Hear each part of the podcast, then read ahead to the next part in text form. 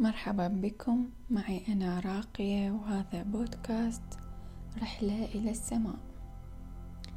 الإنسان بطبيعته كائن اجتماعي وما يستغني عن بناء العلاقات بكل نواحي الحياة. ومع كل المهارات اللي تتطور عند الشخص يستنتج أن هناك نوع من العلاقات السامة اللي تخترق حياته على صعيد العمل أو العاطفة. أو الصداقة أو المقربين من الأهل وتستنزف طاقته. أكيد عرفتوا شنو موضوعنا لليوم. موضوع اليوم هو العلاقات السامة أو غير الصحية. وهذا النوع من العلاقات تكون مضرة عاطفيا وصحيا لأحد الطرفين. وتم استخدام هذا المصطلح لأول مرة عام 1995 من قبل ليليان غلاس في كتابها الأشخاص السامون Toxic People. استخدمته لوصف العلاقة المبنية على الصراع والمنافسة اللي يحدث فيها سيطرة شخص على الآخر. وعلامات العلاقة السامة.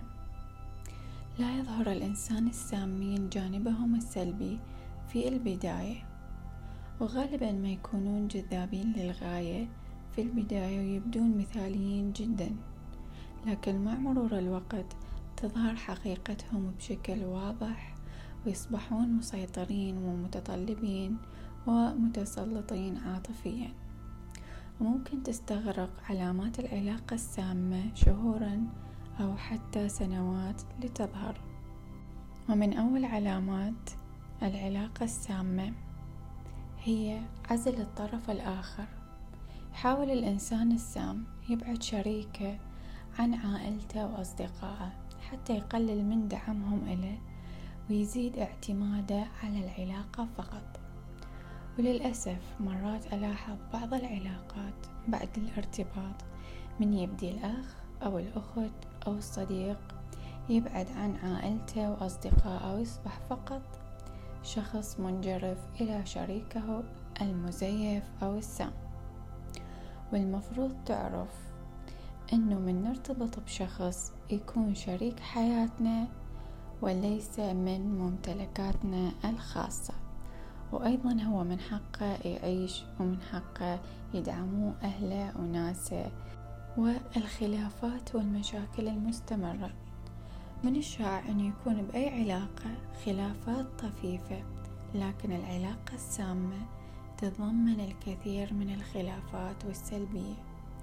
فالشريك المسيطر دائما يوبخ الطرف الآخر ويقلل من شأنه ويهينه وينتقد أفكاره ومحاولاته لفعل شيء إيجابي. وإلقاء اللوم يشعر الشخص فقط بالأشياء الجيدة وما يشعر معك بالأشياء السلبية.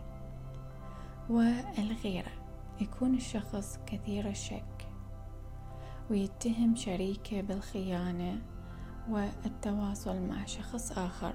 بالوقت نفسه ممكن ينخرط هو بنفس السلوكيات اللي يتهم الشريك بيها.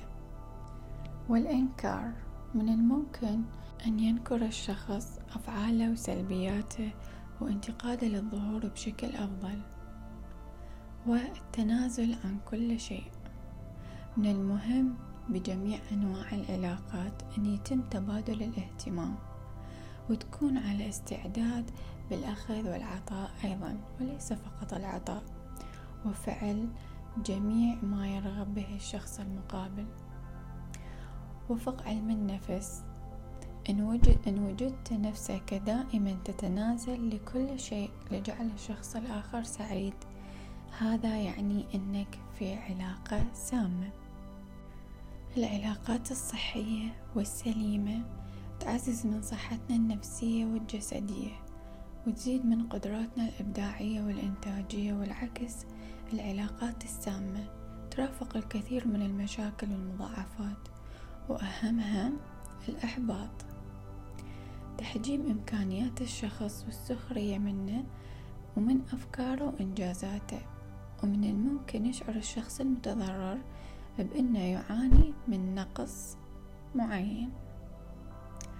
هو الشعور بالذنب يشعر الشخص بالذنب بشكل دائم ويعتبر ما يحدث معه من أمور سلبية هو جزء يستحقه